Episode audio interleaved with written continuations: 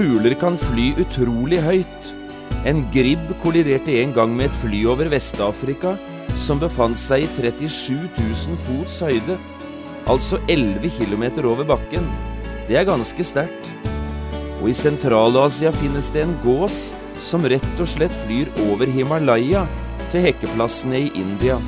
Ikke verst det heller. Et tredje eksempel, det er ørnen.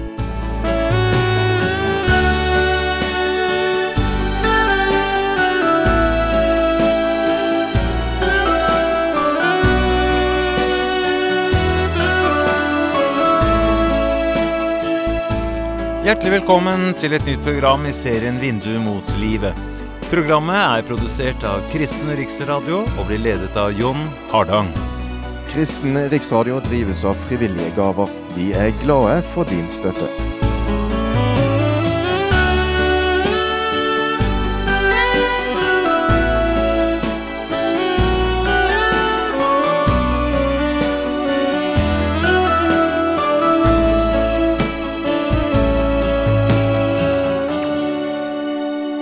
Vi skal også i dag fortsette denne bibelundervisningsserien som vi har kalt Se himmelens fugler. I 18 program skal vi møte en rekke fugler i Bibelen og prøve å finne ut hva disse kan lære oss, både om Gud selv, hva det innebærer å være menneske, og ikke minst hva det virkelig betyr å tro på Gud.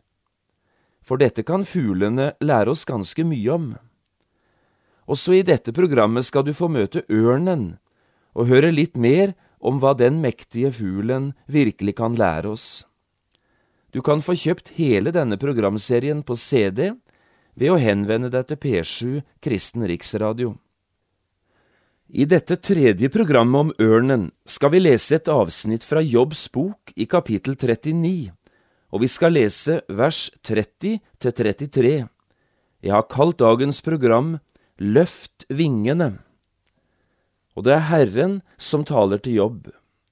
Han spør, Er det på ditt bud at ørnen flyr så høyt, og at den bygger sitt rede oppe i høyden? Den bor i berget og har nattely der, på tind og nut. Derfra speider den etter mat, øynene skuer vidt omkring. Dens unger drikker blod, og hvor der er lik, der er ørnen.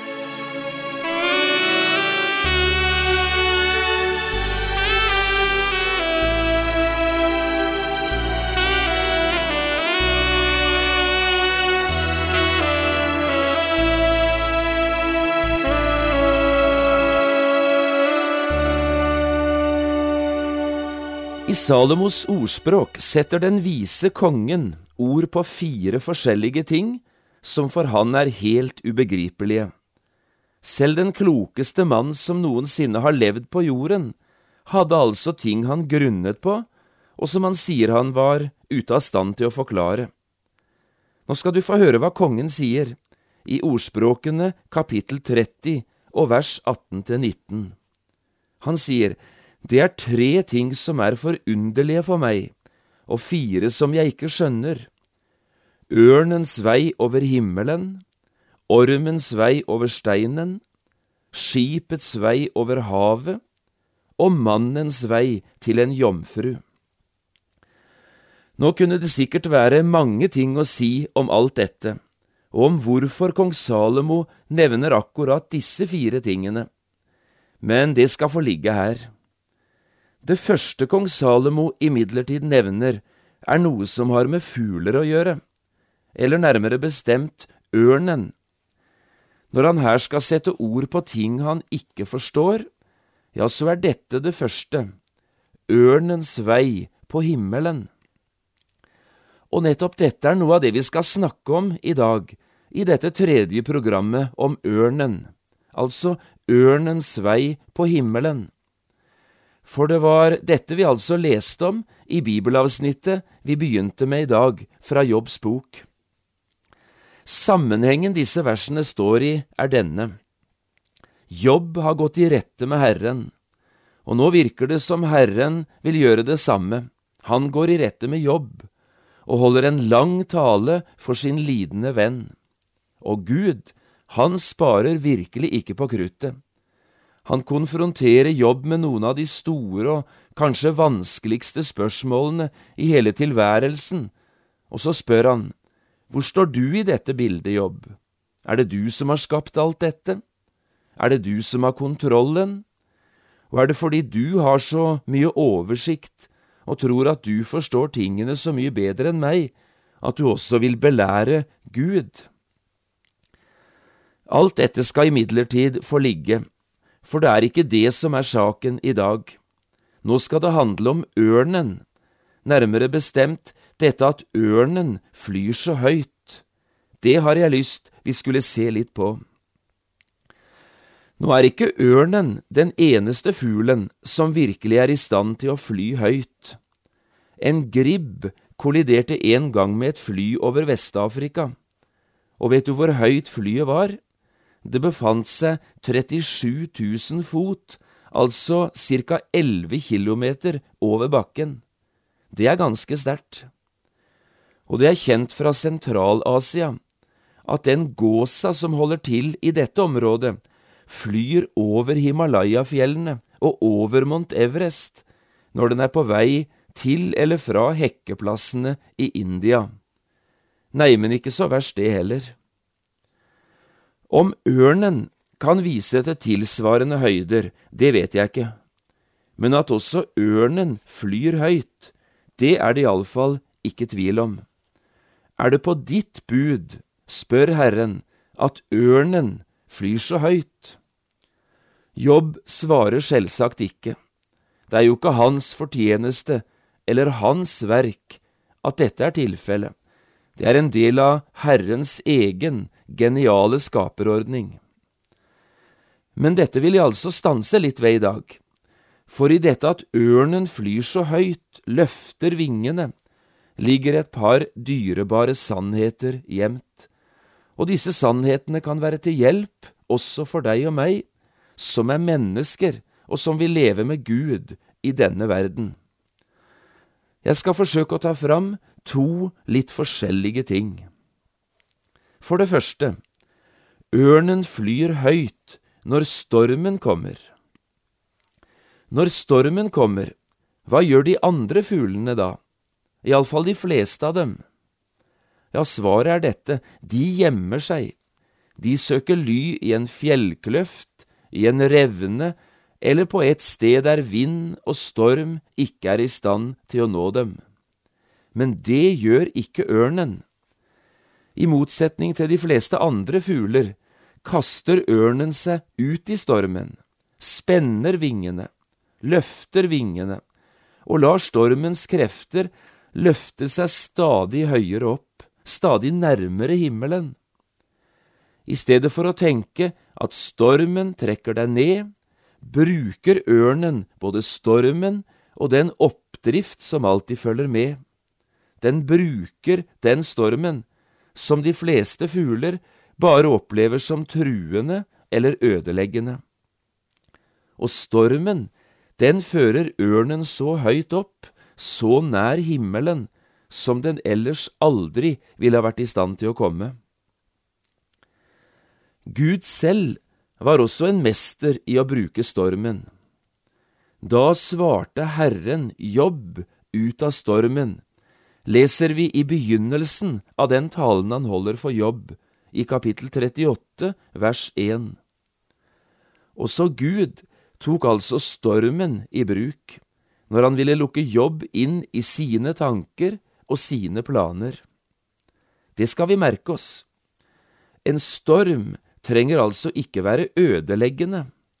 En storm kan også brukes til ting som ellers ville vært umulig å komme borti, fått innsikt i eller gjøre erfaring av. Derfor har jeg lyst til å spørre akkurat nå, hva gjør du, du som lytter, hva gjør du når stormen kommer? Jeg sier ikke hvis stormen kommer, jeg sier når, for stormen kommer til oss alle, før eller siden, på en eller annen måte. Så jeg spør igjen, hva gjør du når stormen kommer? Trekker du deg tilbake til en eller annen fjellkløft, til et eller annet skjulested, som det tross alt finnes ganske mange av, for eksempel bitterhetens eller misnøyens fjellkløft? Bosetter du deg i protestkløfta eller i sorgens kløft? Eller finner du plass i tvilens og vantroens bergkløft? Mulighetene er så mange, men i stedet for dette skulle vi gjøre som ørnen. Vi skulle kaste oss ut i stormen i stedet for å flykte fra den, og så la kreftene som finnes også i stormen, løfte oss i stedet for å ødelegge oss. Vi skulle som ørnen løfte vingene. Det finnes en utrolig fin skildring akkurat av dette, altså om hvordan en fugl kan bruke både vind og storm, i noe som ble skrevet ned etter en av kaptein James Cook sine sjøreiser rundt Antarktis. Den legendariske britiske sjøkapteinen, kaptein James Cook, seilte to ganger rundt Sørpolen, og det var etter en av disse turene Alan Moorhead, som selv hadde vært med på denne turen, skrev ned en del av det de hadde opplevd. Blant annet forteller han om en albatross som fulgte etter skipet deres dag etter dag. Hør hva han skriver. Så fort dagslyset kom, var den der. Den beveget seg mot skipet og sirklet rundt det, uten ett øyeblikk å flakse med de vel to meter lange vingene. Det var et vakkert syn. Albatrossen hadde en avslappet måte å bevege seg på, og den ble aldri trett og aldri skremt av noen storm. Når vinden ble for voldsom, slo den bare vingene ut og fant ly i hulrommet mellom bølgene. En utrolig flott skildring. Også John Stott skriver en gang om albatrossen, noe som jeg har lyst til å ta med her. Albatrossen er verdens største flyvende fugl. Når den er ute på havet, lar den seg ikke forstyrre, selv av det mest forrykende uvær. Den holder seg i luften ved å vende seg mot vindretningen, og ved en spesiell mekanisme kan vingene låses i utslått stilling, og fuglen kan gli gjennom luften i ukevis. Den sparer en masse energi når den ikke trenger å slå med vingene. Ja, albatrossen sover til og med mens den flyr, og kommer bare til land på en eller annen avsidesliggende arktisk øy for å hekke. Så langt John Stott, og jeg regner med du forstår hvorfor jeg tar med alt dette her. Det handler altså om noen fuglers evne til aldri å la seg skremme eller hindre av storm.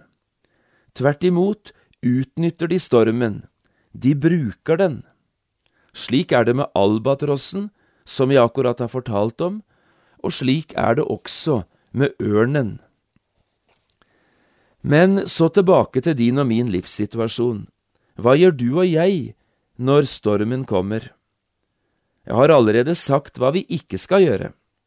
Vi skal ikke trekke oss tilbake til en eller annen mørk og negativ fjellkløft, Kall den hva du vil, bitterhet, misnøye, protester, sinne, tvil eller vantro.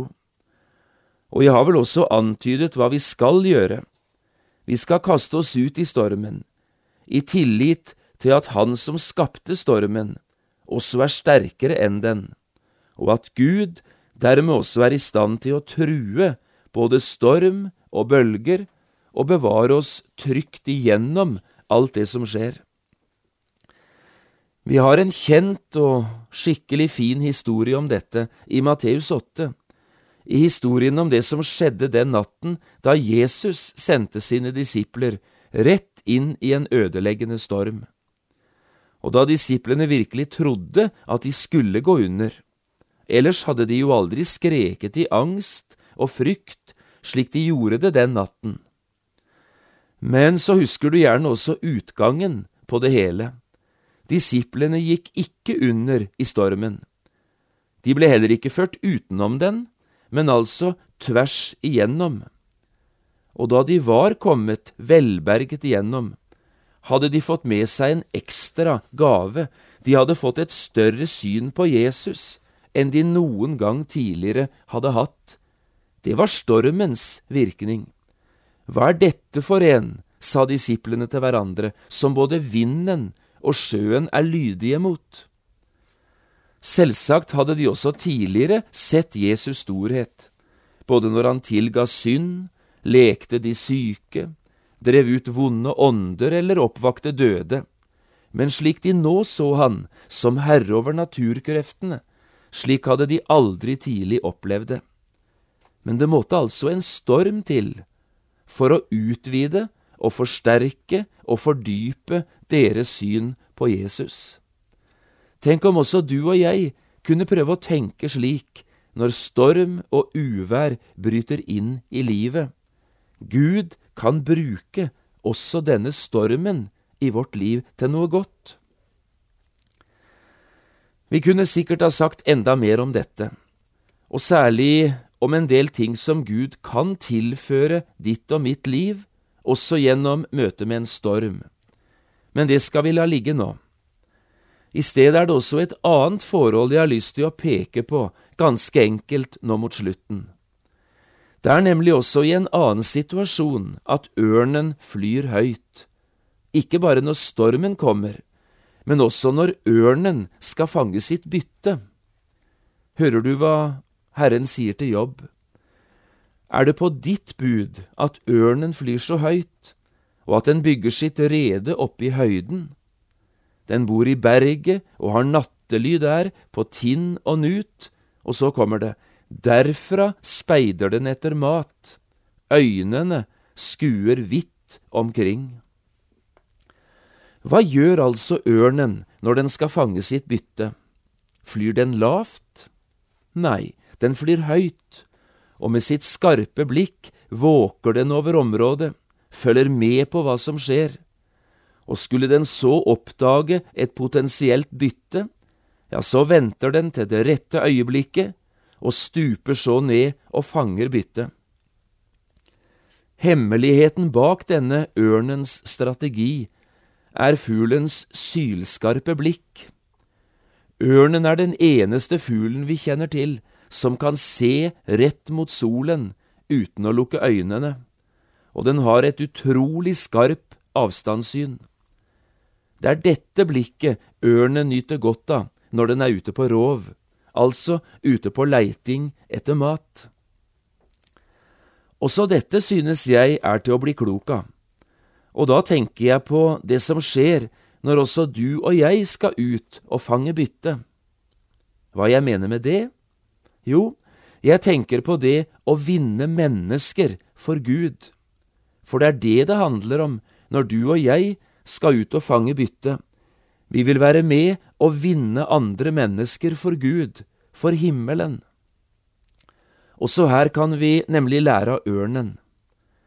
Det er mange som tror de må fly lavt om de skal vinne verden.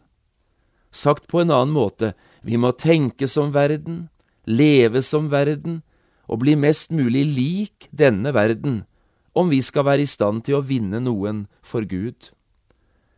Det tror jeg er en stor misforståelse.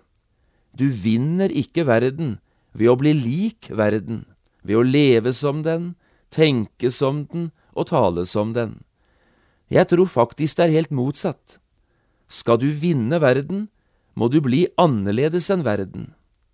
Du er jo kalt til å følge Jesus, ikke sant, og han var ikke lik verden. Han var helt annerledes på alle punkt. Målet er å bli lik Jesus. Men blir du lik Jesus, ja, da blir du annerledes enn dine omgivelser. Du kommer til å skille deg ut, men det på en rett og god måte. Derfor har jeg lyst til å si, løft vingene, fly opp mot himmelen, gjør som ørnen, fest blikket på målet, på byttet, der oppe fra.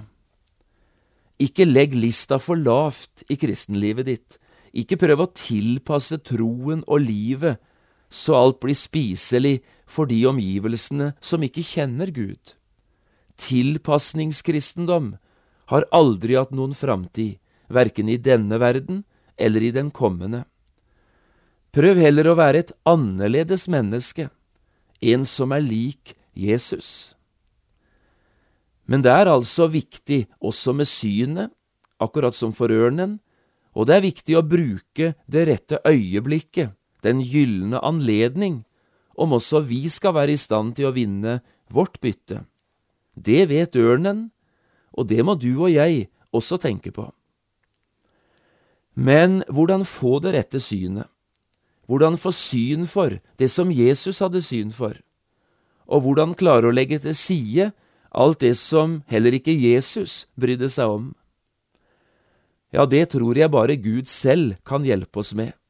Det er Han som må gi oss dette synet.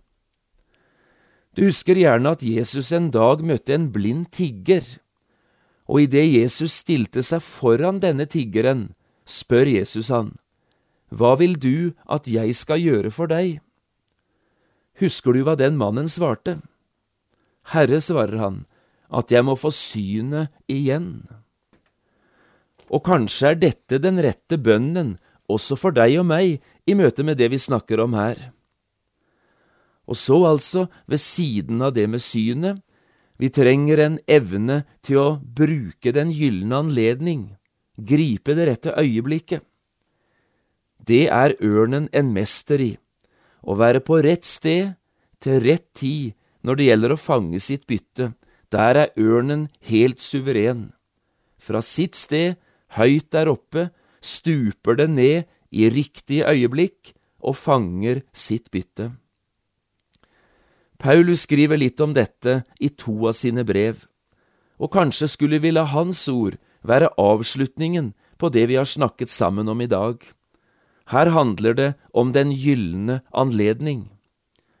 I Kolosserne fire skriver Paulus det slik. Omgås i visdom med dem som er utenfor. Kjøp den laglige tid. La deres tale alltid være vennlig, men krydret med salt, så dere vet hvordan dere skal svare enhver. Og i Efeserbrevet 5 står disse ordene. Se derfor til hvordan dere kan vandre varlig, ikke som uvise, men som vise, så dere kjøper den laglige tid, for dagene er onde. Vær derfor ikke uforstandige, men forstå hva som er Herrens vilje. Dette er kloke ord å lytte til for den som gjerne vil vinne andre for himmelen, eller for å være i bildet av ørnen, for den som vil løfte vingene og fange sitt bytte.